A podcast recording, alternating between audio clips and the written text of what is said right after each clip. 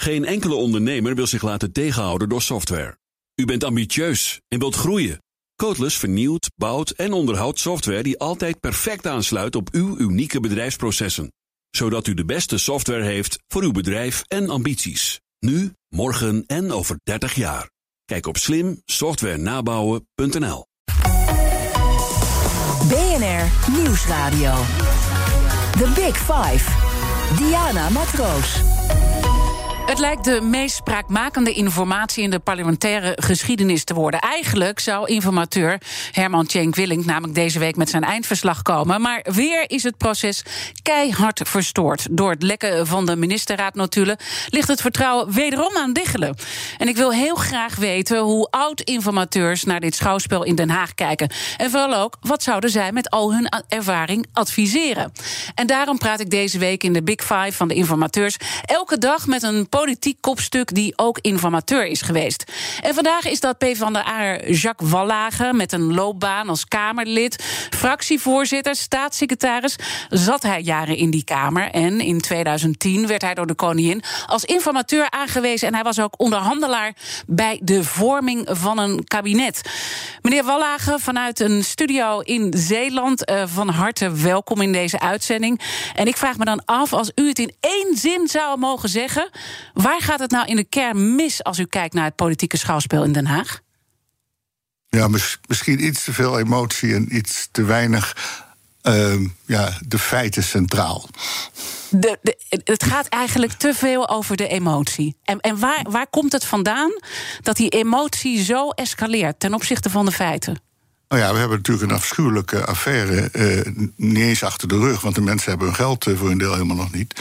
Uh, en dat heeft het vertrouwen in de politiek en het openbaar bestuur natuurlijk enorm aangetast. dus je, je, je, je hebt altijd op weg naar een nieuw kabinet spanning. Je hebt de verkiezingsuitslag. Je hebt elkaar met de, met, met de koppen tegen elkaar gegaan. En dan moet je toch om tafel om te kijken of je het weer eens eens kunt worden. Dat is altijd lastig.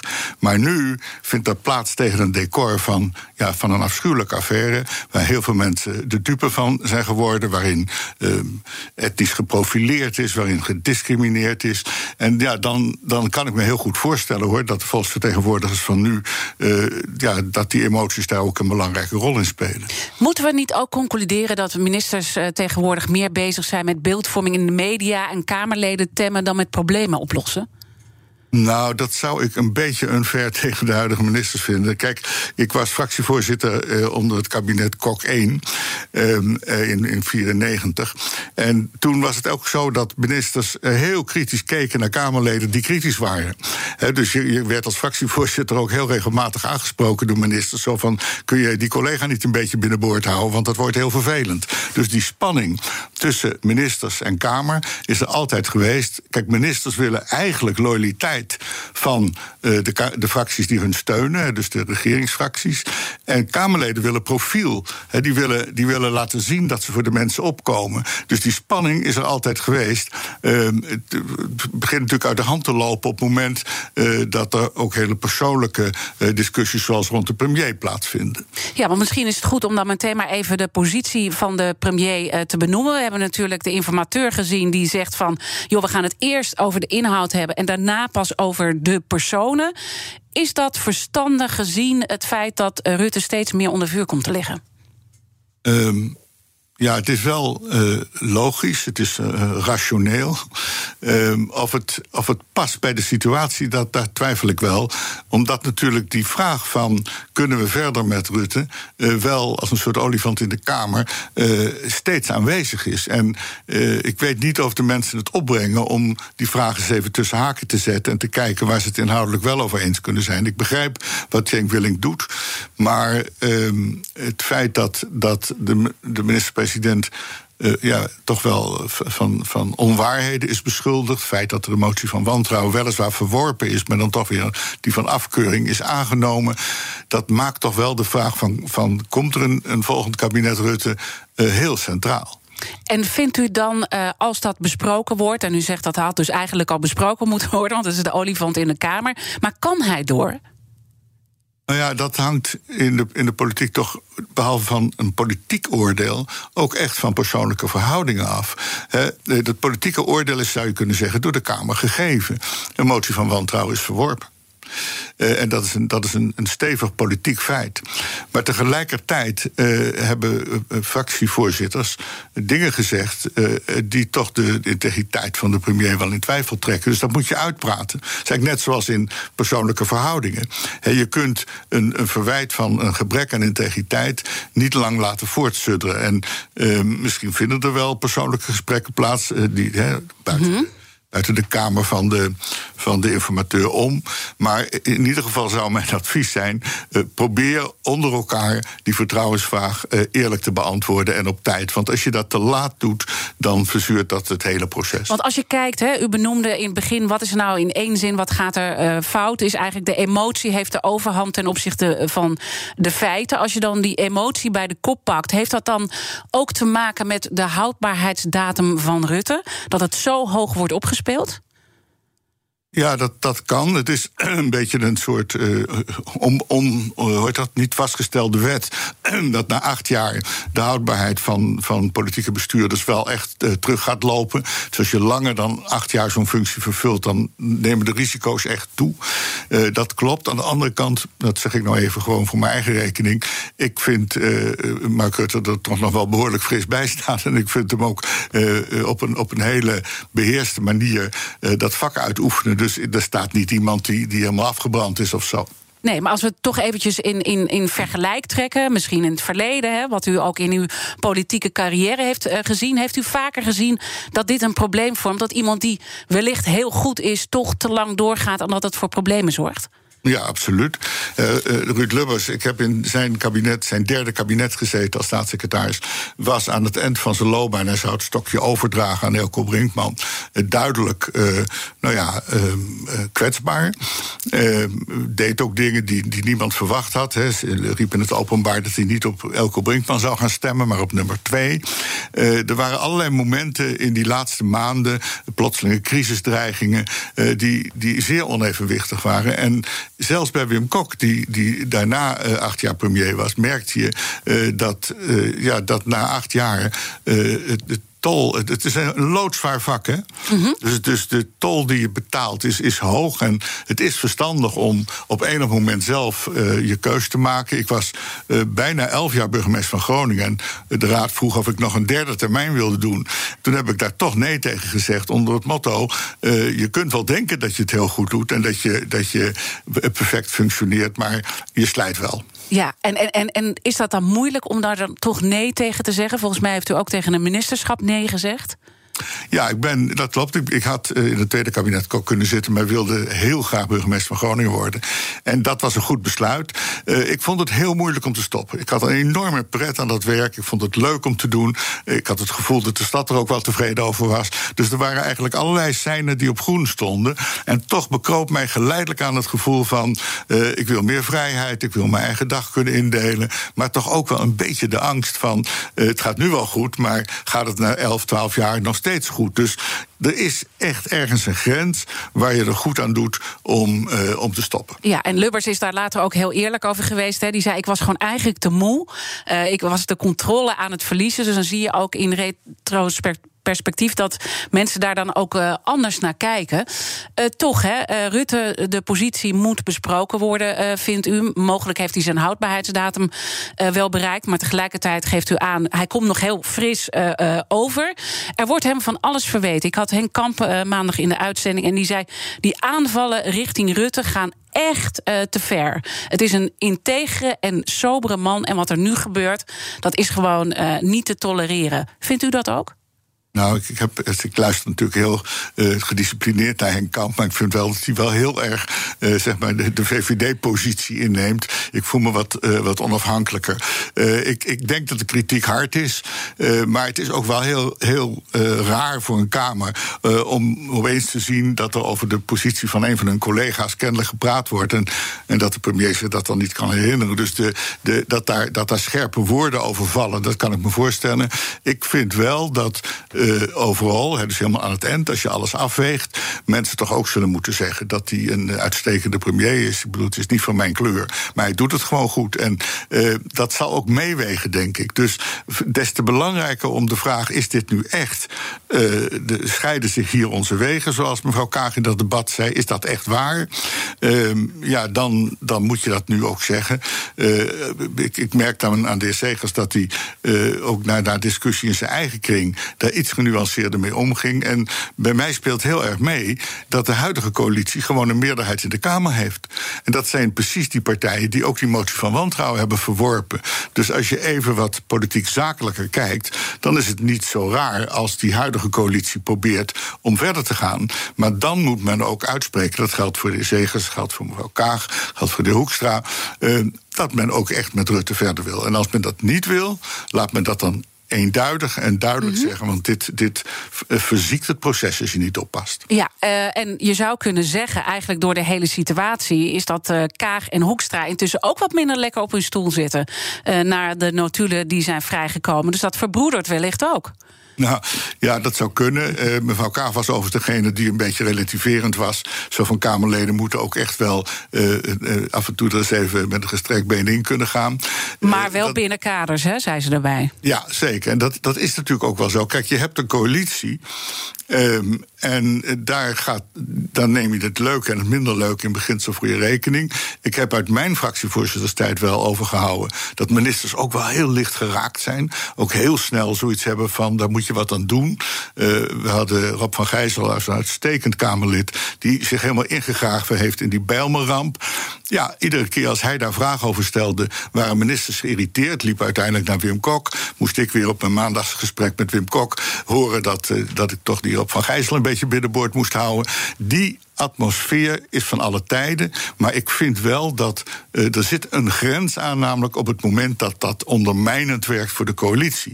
En dat begrijpen Kamerleden ook. Alleen dat gesprek moet je openvoeren. En nu kwam het alleen maar aan het licht, omdat die notulen openbaar werden. En, en, was het een goed idee om überhaupt die notulen openbaar te maken? Want Henk Kamp zei daarover: je schept daarmee een president. En dit is super gevaarlijk, uh, want dan moet je eigenlijk elke keer moet je dat uh, gaan doen. En dan gaat de transparantie gaat er niet door toenemen.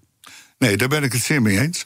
Uh, ik, ik, ik zou, als het me gevraagd was, het ook hebben afgeraden, hoe lastig dat nu ook was. Ik begrijp wel hoor, dat onder de druk die er was, dat ze daar niet onderuit konden komen. Maar het is niet verstandig.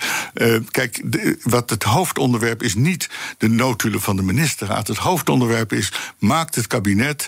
Uh, actief openbaar wat openbaar gemaakt hoort te worden. En dat gebeurt niet. Niet alleen nu niet, maar ook vroeger onvoldoende. Op die departementen uh, worden ministers geadviseerd om heel voorzichtig te zijn met het geven van informatie aan, kamers, aan de Kamer. En de ministers zeggen bijna altijd: ja, is dat schadelijk? Kan het wel? Uh, dus er is een atmosfeer ontstaan in de loop van de jaren waarbij de actieve openbaarheid, die dus gewoon verplicht is, uh, eigenlijk zo klein mogelijk wordt gemaakt. En dat is het echte probleem. En als de Kamer in het kader van de formatie aan dat probleem wat zou willen doen, dat zou meer dan welkom zijn. In, in 1970 heeft de commissie Biesheuvel al een rapport uitgebracht over openbaarheid van bestuur.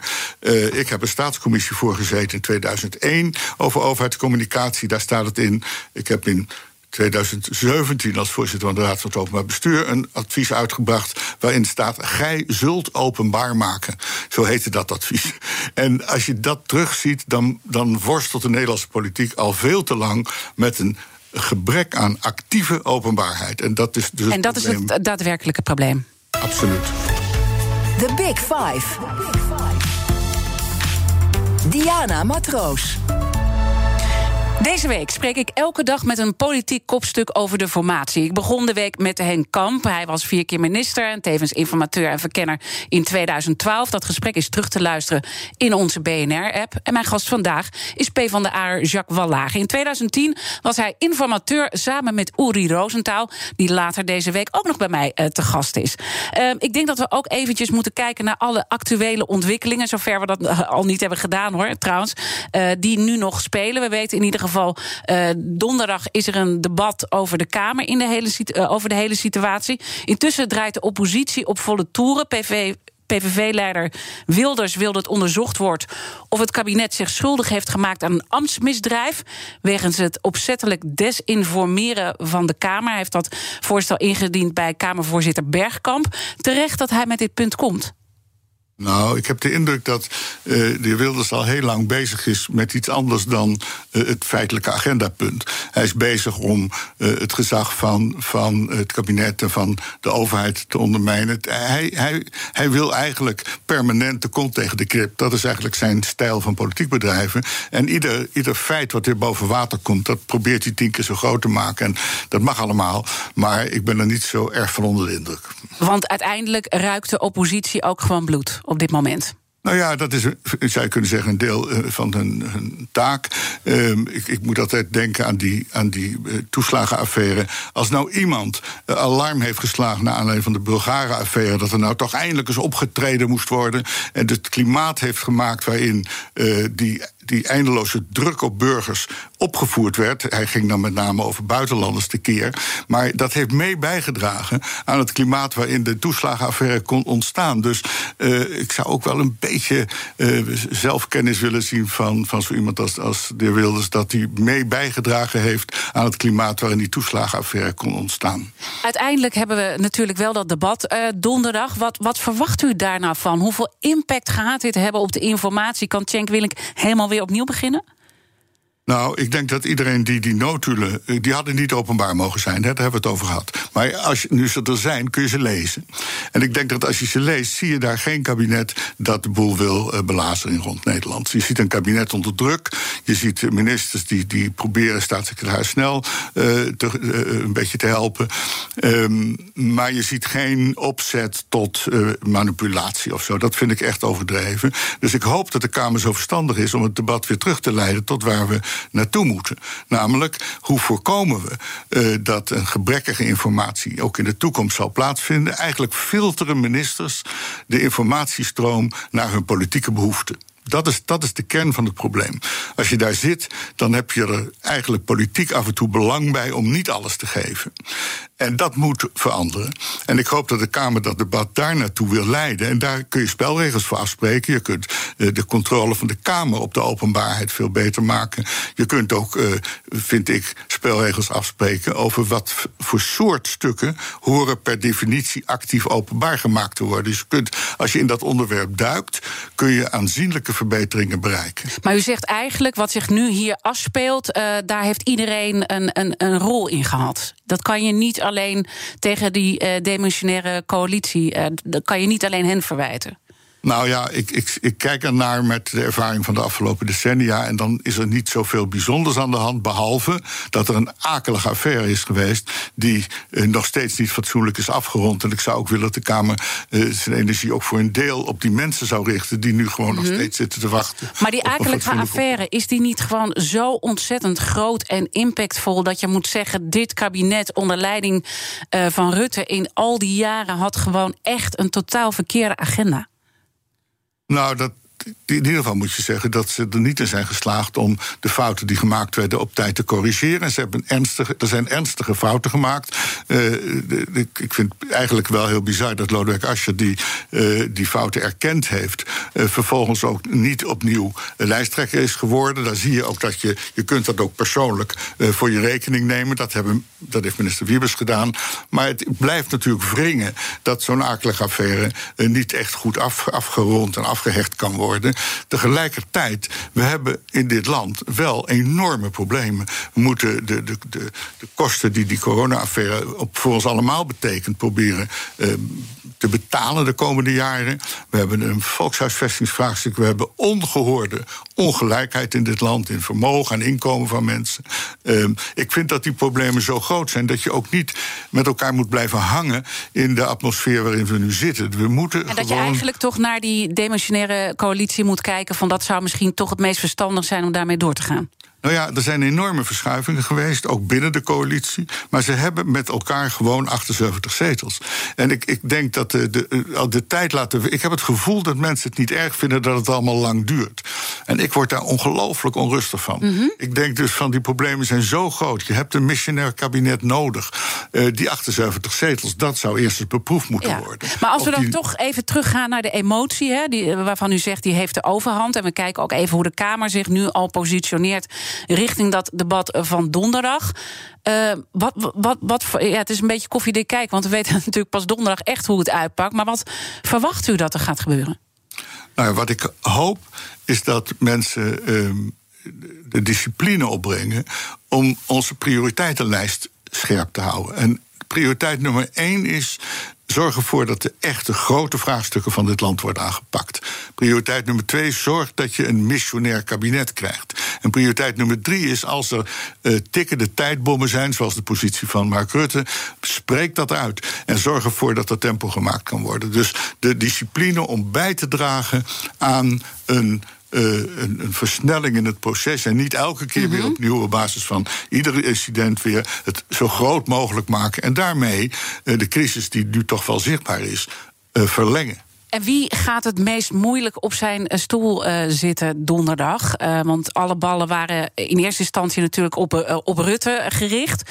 Maar je zou ook kunnen zeggen, ehm, ja, Hoekstra die zit misschien ook niet zo lekker na, nu die notulen openbaar zijn. Hè, dat sensibiliseren van zijn eigen partijgenoten, terwijl hij het altijd over zijn grote vriend omzicht heeft. Ja, over het algemeen, als dit soort dingen gebeuren, is het, eh, is het allerbeste om te objectiveren. Om, om dus de, de feiten te laten spreken. En het feit is dat in het CDA twee bestuursculturen naast elkaar bestaan: een meer bestuurlijke van Hoekstra en een meer activistische van Omtzigt. Dat hoeft op zichzelf geen ramp te zijn, maar ook daar geldt. Praat daarover, discussieer dat uit en zorg ervoor dat je een rolverdeling maakt waarbij je die twee verschillende benaderingen naast elkaar kunt laten bestaan. En als het niet kan, ja, dan vallen er inderdaad eh, slachtoffers in dat proces, maar dat hoeft niet. Ook daar geldt, naarmate je dat langer voor je uitschuift, eh, worden dat eh, etterende zweren. En ik denk dus dat niet zozeer die notulen, of wat, wat de heer Hoekstra wel of niet gezegd heeft, relevant is. Maar relevant is dat in een politieke partij die, die een stevige nederlaag heeft geleden. En ik, daar heb ik eerlijk gezegd behoorlijk wat ervaring in. Ja, want dat gebeurde in achter- 2010 natuurlijk ook, toen u informateur was. nou ja, niet alleen toen, maar, maar de Partij van de Arbeid heeft heel vaak verloren de afgelopen Ja. jaren. Dan moet je op één ding goed letten, namelijk dat je het binnenshuis eens wordt. En dat je gezamenlijk die volgende fase ingaat. En ik heb de indruk dat dat binnen het CDA nog niet voltooid is. Eh, dat kan ook zijn omdat dat de heer Omtzigt ziek is. Maar in ieder geval eh, is, is denk ik. Er zijn een paar factoren waardoor het moeilijk is tot een kabinet te komen. Eén daarvan is de situatie binnen het CDA. En daar hoort het CDA zelf eh, orde op zaken te stellen. En als we dan eh, kijken naar uw ervaringen in 2010, hè, want er zijn verschillende parallellen. Ook Cenk Willink eh, was toen degene die de boel vlot moest trekken. Toen kwamen u en Uri Rosenthal in beeld. Ook toen was er een hoop emotie, denk ik. Uiteindelijk is het niet gelukt om tot Paars Plus te komen. was ook een, een, een crisis natuurlijk gaande. Dat ging meer over de financiële crisis die toen een rol speelde. Wat zou u Cenk Willink adviseren in deze fase? Ja, eh, ja, maar die wil ik van mij geen adviezen nodig. Maar ehm, eh, ik, ik denk dat voor hem geldt wat voor iedereen geldt die daar zou zitten. Namelijk, hoe kun je die kluwen zo ontwarren dat je over de dingen die echt belangrijk zijn, eh, serieus met elkaar praat. En eh, in, in, toen Uri Rosenthal en ik informateur waren, speelde het feit dat eigenlijk eh, de VVD de PVV niet vrij wilde laten rondlopen. Dus we werkten aan een Paas Plus kabinet, maar ondertussen eh, zei de leiding van de VVD, en dat heeft Mark Rutte toen ook al heel eerlijk verteld, ja, wij kunnen eigenlijk die PVV niet los laten lopen. Daar is toen het gedoogkabinet uit tevoorschijn gekomen met alle ellende van dien overigens. Kijk, nu zou je kunnen zeggen, eh, kun je ook proberen een kabinet te vormen met een aantal partijen die nu niet in de regering zitten. Maar het begint er toch mee dat als een zittend kabinet eh, een, bij verkiezingen opnieuw een meerderheid in de Kamer heeft. Weliswaar met grote verschuivingen. Minder CDA, meer D66. Ja, dan moet je toch kijken of je die verschuivingen kunt honoreren. En met die ploeg eh, verder kunt. Want dat is de enige ploeg die betrekkelijk normaal een eh, Kamermeerderheid zou kunnen krijgen. Laten we daar dan straks over verder praten. Mijn gast in BNR's Big Five van de informateurs is voormalig informateur Jacques Wallage. Nou ja, ik ga lekker zeg. En uh, dan ga ik hem ook de vraag stellen: gaat het deze keer nou wel lukken om tot dat bondige regeerakkoord te komen? Tot zo. BNR Nieuwsradio. The Big Five. Diana Matroos. Welkom bij het tweede halfuur van BNR's Big Five. Deze week overigens niet vijf, maar vier politieke kopstukken over de formatie. Omdat we gisteren geen uitzending hadden vanwege Koningsdag. Eerder deze week sprak ik al met Henk Kamp. Is allemaal terug te luisteren in onze app. En later deze week zijn Klaas de Vries en Uri Roosentaal nog bij mij te gast. Mijn gast vandaag is P van de A Jacques Wallage. Hij werd in 2010 door de koningin als informateur aangewezen. En hij was ook onderhandelaar bij de vorming van een nieuw kabinet. En ook als staatssecretaris. En als uh, fractievoorzitter van de Partij van de Arbeid jarenlang rondgelopen in de Kamer. Dus zeer veel kennis van zaken van als het gaat om dit soort moeilijke processen. En meneer Wallagen waren eigenlijk net op het punt aangekomen van hoe moet de huidige informateur Herman Cenk Willink uh, nu verder? En u zegt eigenlijk, gezien ook de uitslag en, en de problemen die we in ons land hebben, is het ook weer belangrijk om verstandig te zijn, de emoties een beetje te laten rusten en eigenlijk toch doorgaan met de huidige huidige uh, coalitie. Uh, daarmee zet u wel uw eigen partij uh, PvdA buiten het spel. Nou ja, er zijn een paar dingen tegelijk gebeurd. Hè. Dus eerste plaats valt op dat het huidige, de huidige coalitie nog steeds een meerderheid in de Kamer heeft. Het tweede wat opvalt is dat de linkse partijen gezamenlijk uh, uh, nou ja, behoorlijke klop hebben gekregen. In ieder geval in de Kamer uh, is, zijn de rechtse partijen sterker geworden. Dus op zichzelf is het niet zo logisch om onder die omstandigheden regeringsverantwoordelijkheid te gaan dragen als kleinere linkse partijen. Want helaas behoort de Partij van de Arbeid ook tot die kleinere linkse partijen op het ogenblik. Um, dus de, je moet al een hele sterke aanleiding hebben om dat te doen. Uh, en ik vind dat die aanleiding in ieder geval pas aan de orde komt op het moment dat vastgesteld is dat, er, dat partijen die wel samen een meerderheid hebben, dat niet kunnen of niet willen.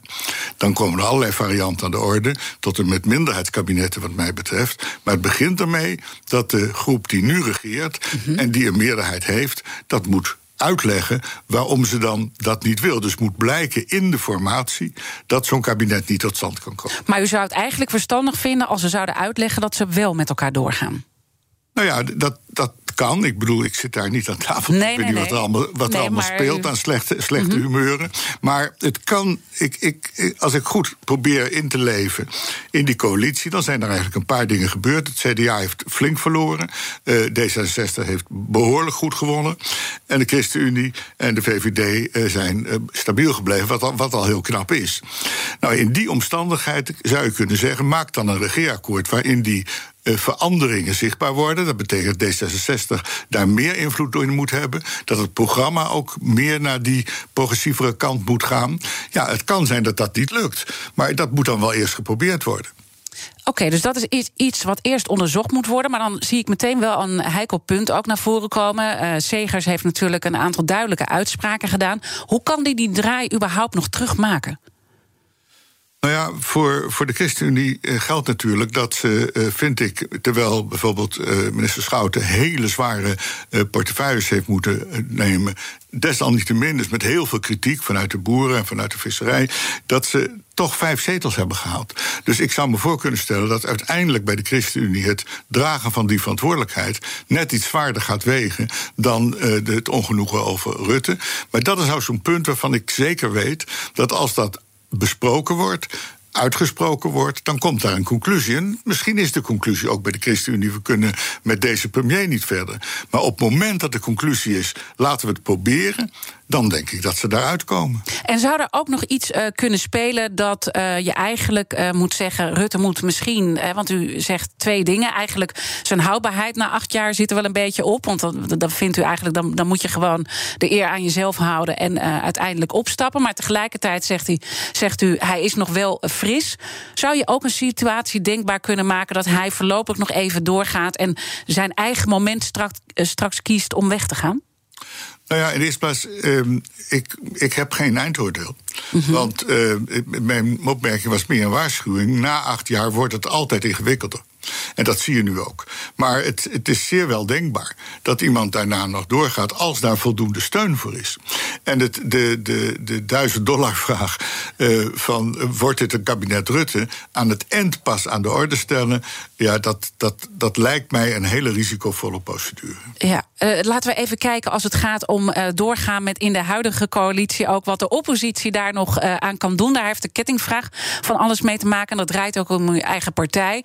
Want onze gasten stellen elkaar vragen. In de vorige aflevering sprak ik dus met Henk Kamp. Hij was in 2012 eerst verkennen en later informateur samen met Wouter En hij had deze vraag voor u. Nou, ik zou tegen Jacques willen zeggen: er is, zoals we allemaal weten, een grote kloof tussen een motie van wantrouwen die tegen Mark Rutte is uh, gesteund en het deelnemen aan het kabinet Rutte 4.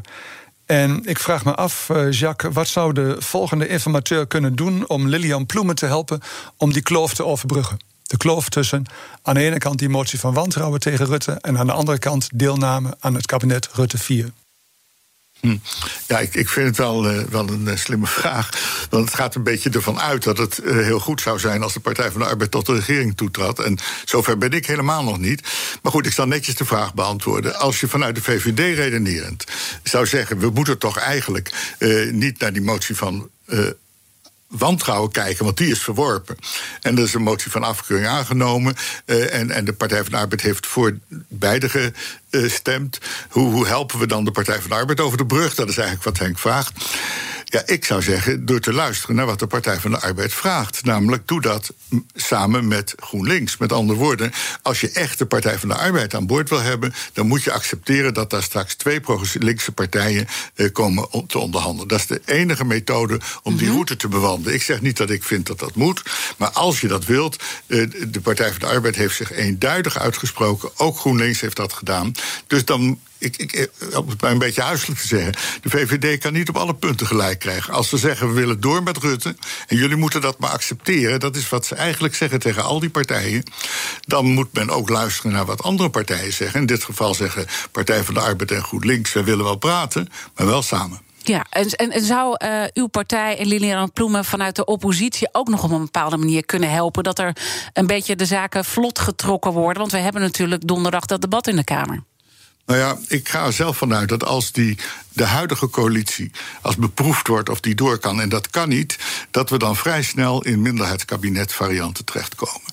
Omdat het geforceerd tot stand brengen van een meerderheid uh, met, met gedogen van rechts of met, met, uh, met allerlei afspraken met linkse partijen die toch net niet weer uh, bevredigend werken. Ik denk dat er dan heel snel minderheidskabinetten aan de orde komen. En dan is het inderdaad wel van belang dat partijen bereid zijn, ook als ze niet deelnemen in zo'n kabinet, zo'n kabinet kabinet wel uh, op een faire manier uh, te beoordelen. En uh, als we in die fase komen, dan weet ik één ding zeker: dan is de Partij van de Arbeid altijd een, een zakelijke en. en Om die steun wel te geven op dat moment. Ja, ja maar ik, ik denk overigens dat dan, met de winst van D66, een progressieve minderheidskabinet, waar de Partij van de Arbeid en GroenLinks wel aan deelnemen, meer voor de hand ligt hoor. Want dan moet je ook echt kijken naar de grote winnaar, dat is toch wel D66. Ja, maar de VVD is natuurlijk ook een grote winnaar. Zou u Ploemen afraden om met Rutte in zee te gaan?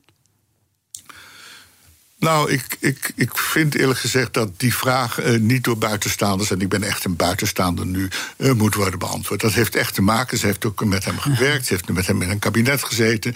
Uh, dat kan ze echt zelf beoordelen. Ja, dat is dan toch grappig dat dan nu uiteindelijk. u bent heel open over hoe u kijkt naar dingen en dan dit toch net even niet. Nee, dat komt omdat het hier niet gaat om een politieke programbeoordeling, maar om de vraag: vertrouw je iemand voldoende? En uh, als u mij zou vragen, zou, zou u zelf uh, uh, vertrouwen hebben in Rutte, dan zou ik zeggen: ik ben dat in dit hele proces uh, niet op die manier kwijtgeraakt. Maar dat kan wel voor anderen gelden. Dat kan voor mensen gelden die mhm. in die kabinetten hebben gezeten. ik heb niet met Mark Rutte in een kabinet gezeten.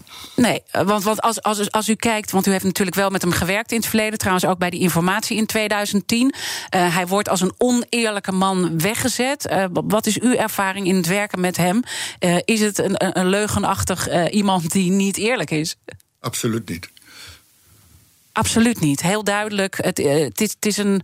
En, en deelt u dan de mening van uh, Kamp dat het gewoon een hele integere man is om mee te werken? Nou ja, ik heb de enige ervaring die ik echt heb was als informateur. En wat me daar opviel, is dat uh, we werkten aan een Paars Plus kabinet. Dus met GroenLinks en de Partij van de Arbeid en D66. Dat wilde hij wel proberen. Maar hij heeft er zowel in het overleg als, als onder vier ogen met mij nooit een misverstand over laten bestaan. Dat het niet in zijn belang en het belang van de VVD was om het te laten slagen. En dat hij eigenlijk vond dat hij de PVV niet los kan laten lopen. En dat vond ik behoorlijk eerlijk, want uh, hij deed wel zijn best we hebben serieuze onderhandelingen gevoerd, uh, Uri en ik, met de fractievoorzitters. Maar ik heb nooit het gevoel gehad dat hij daar niet, uh, niet eerlijk was. Dus dat is mijn enige ervaring. Mm -hmm. De vraag: kan de Partij van de Arbeid Kamerfractie uh, leven met een kabinet uh, Rutte 4? is aan Lilian Ploemen, die ook echt in een kabinet met hem heeft gezeten. Dus ook de ervaring heeft om die vraag goed te beoordelen. Goed. BNR Nieuwsradio. The Big Five. Diana Matroos. Je luistert naar BNR's Big Five van de informateurs. Mijn gast is oud-informateur en PvdA Jacques Wallage. U heeft uh, zojuist de kettingvraag beantwoord van Henk Kamp. Maar die kettingvraag gaat natuurlijk uh, gewoon door. U mag een vraag stellen aan mijn volgende gast. En dat is uw partijgenoot Klaas de Vries. Hij was informateur van het eerste en tweede Paarse kabinet in 1994 en 1998. Wat zou u hem willen vragen? En dan ga ik een beetje door op de uh, vraag die Henk Kamp mij gesteld heeft.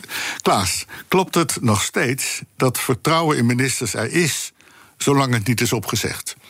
En klopt het dat een motie van wantrouwen die niet wordt aangenomen, niet meer bestaat? Goed, dan uh, neem ik die vraag uh, morgen mee. Uiteindelijk moeten we natuurlijk nu wel die stap voorwaarts uh, zetten.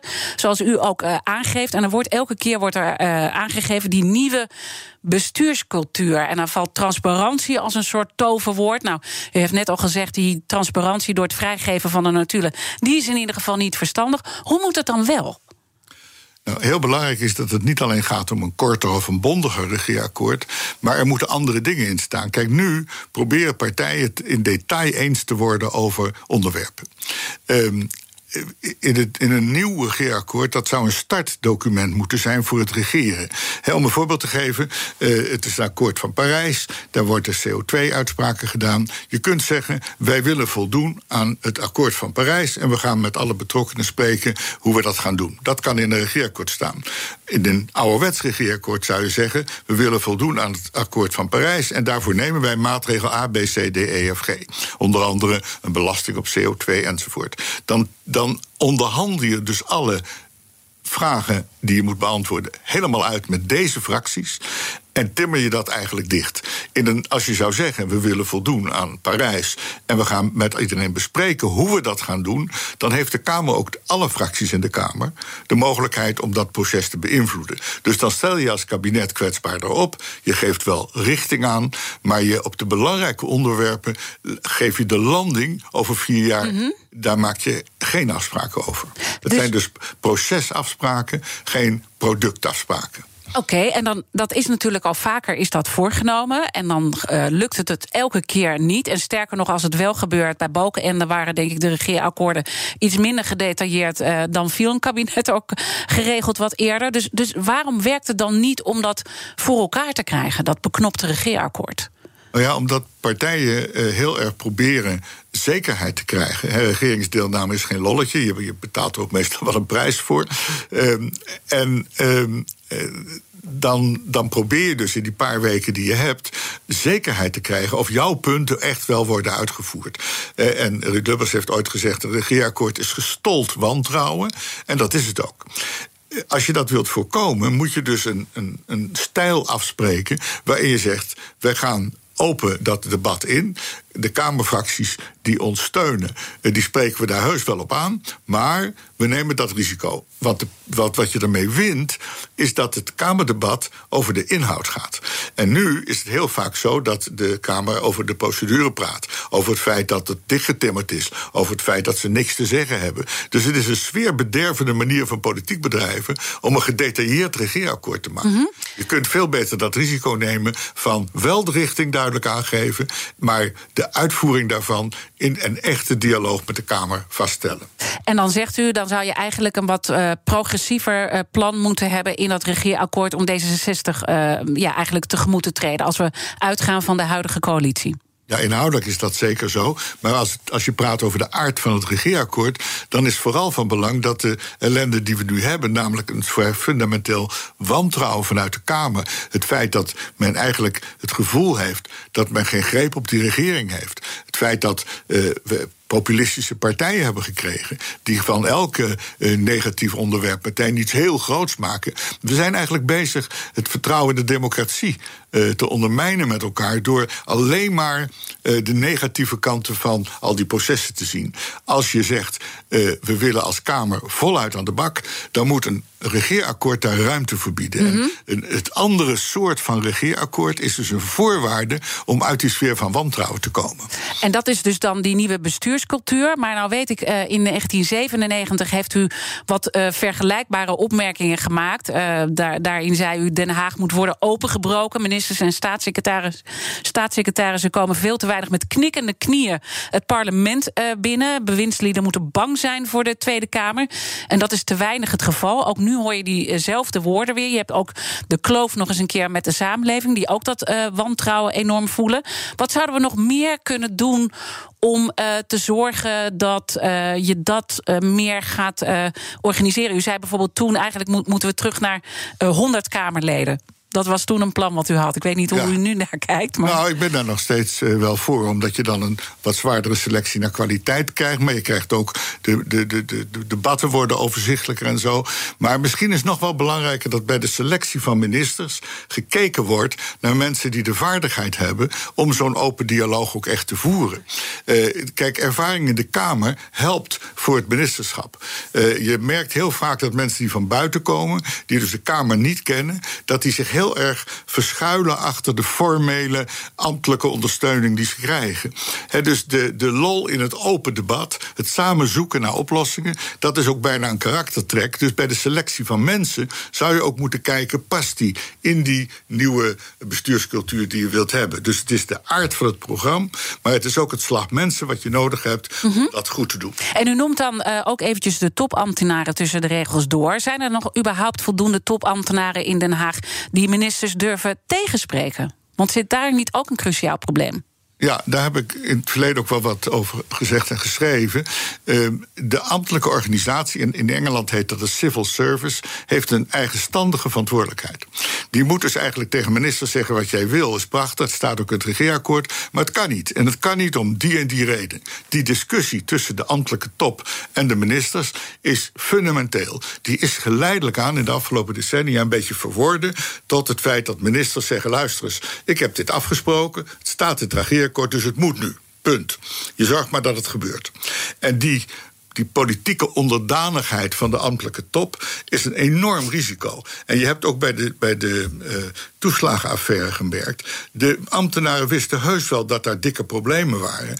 Maar er is kennelijk geen cultuur waarin je tegen de minister zegt: ho, stop, er moet nu uh, even goed nagedacht worden, want zo kan het niet verder. Die open dialoog tussen de ministers en de topambtenaren is cruciaal. En we hebben uh, ambtenaren meer laten roleren. Daar ben ik ook op zelf niet tegen. Maar ze roleren nu wel heel snel. Bouwen dus ook niet echt grondige kennis van hun eigen departement op. En ik denk dat bij de herziene bestuurscultuur ook hoort dat we een type topambtenaar moeten hebben die tegenover de minister ook op hun strepen durven staan. Want de uitvoering. -hmm is heel bepaald. Heel veel dingen gaan okay. mis in de uitvoering. Maar stel nou dat ze dat uh, doen, hè, en dan neem ik toch weer eventjes de hele toeslagenaffaire... waar we natuurlijk een kritische Helma Lodder zagen van de VVD... en een kritische omzicht. En nou ja, die werden dan gesensibiliseerd. Uh, is er niet gewoon risico dat als die topambtenaren... veel uh, kritische geluiden gaan laten horen... dat ze weg worden gepromoveerd... of met een gouden handdruk worden weggestuurd als ze te kritisch zijn? Nou ja, mijn eigen ervaring is andersom. Uh, als je, ik was twee keer staatssecretaris, één keer op sociale zaken, mm -hmm. Onderwijs en wetenschappen. De, de, ambtenaren daar die mij tegenspraken, die hebben een enorme carrière laten gemaakt in Den Haag. Uh, de, in de ambtelijke top van nu zitten drie, vier van deze mensen die bij mij toen als jonge honden uh, in, mijn omgeving zaten. En die hadden een behoorlijk grote mond. En die, steden, die, die gaven behoorlijk wat weerstand. En ik denk dat dat idee van als je een grote mond hebt of je, je, je, je, je geeft kritiek, dan vlieg je eruit ik denk dat dat niet zo is. Ik denk dat de kwaliteit van die topambtenaar moet zijn dat hij de feiten kent, dat hij goed kan argumenteren en dat ministers begrijpen dat ze niet zomaar moeten doorpakken eh, omdat ze nou eenmaal een politieke afspraak hebben gemaakt. Kijk, wat je, die, die civil service gedachte, dat de professionaliteit van de ambtelijke organisatie een groot goed is die je ook moet respecteren, die is geërodeerd de afgelopen jaren.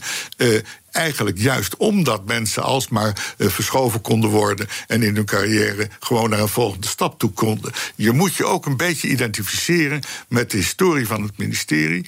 En, en politieke leiders moeten accepteren dat ze de wijsheid niet in pacht hebben. En die dynamiek, die is wel ernstig verstoord. Dus dat is echt een, een, een aandachtspunt. En stel nou dat dat allemaal gebeurt, gaat dat dan voldoende zijn? met al uw hoop uh, die u ook heeft uitgesproken om de kloof met de samenleving en het het wantrouwen wat daar heerst, want dat is natuurlijk het andere hele grote probleem. Om dat te herstellen, gaat dat voldoende zijn? Ja, ik heb in de tijd bij de Raad Openbaar Bestuur uiteindelijk een rapport uitgebracht dat heette Sturen en Verbinden. En het gaat dus om twee dingen tegelijk. Natuurlijk moet er gestuurd worden. Natuurlijk moet de politiek leiding geven. Daar zitten mensen ook op te wachten. Maar er moet ook verbonden worden. Je moet tijd en energie besteden aan in de samenleving met mensen afspraken maken. En die dubbelslag, sturen en verbinden, heette dat rapport, die is een beetje verstoord. Eh, de politiek is toch weer heel erg op zichzelf betrokken geraakt. En de grote vraagstukken, milieu, inkomensongelijkheid, wonen. Al die vraagstukken moet je kun je in Den Haag niet oplossen. Je hebt daar de partijen in het land mee nodig. En je moet dus een deel van je energie uh, besteden als minister aan het verbinden van die partijen aan waar je naartoe wilt. Vandaar dat je geen uitkomsten moet vastleggen, maar een, maar een democratisch proces moet schetsen Goed. in dat regeerakkoord. Helder, en misschien moeten ze dat rapport allemaal nog eens een keertje eh, lezen, want dat is nog super actueel, ook al is het jaar geleden uh, geschreven. Ik wil u heel hartelijk uh, danken dat u mijn gast wilde zijn in deze uitzending, Jacques Wallage. En natuurlijk zijn alle afleveringen van BNR's Big Five zoals altijd terug te luisteren de podcast in de BNR-app en op bnr.nl. Maar blijf vooral de hele dag live hier op BNR. Straks Iman Verrips met BNR breekt. En ik wens iedereen een mooie en gelukkig zonnige dag. Geen enkele ondernemer wil zich laten tegenhouden door software. U bent ambitieus en wilt groeien. Codeless vernieuwt, bouwt en onderhoudt software die altijd perfect aansluit op uw unieke bedrijfsprocessen. Zodat u de beste software heeft voor uw bedrijf en ambities. Nu, morgen en over 30 jaar. Kijk op slimsoftwarenabouwen.nl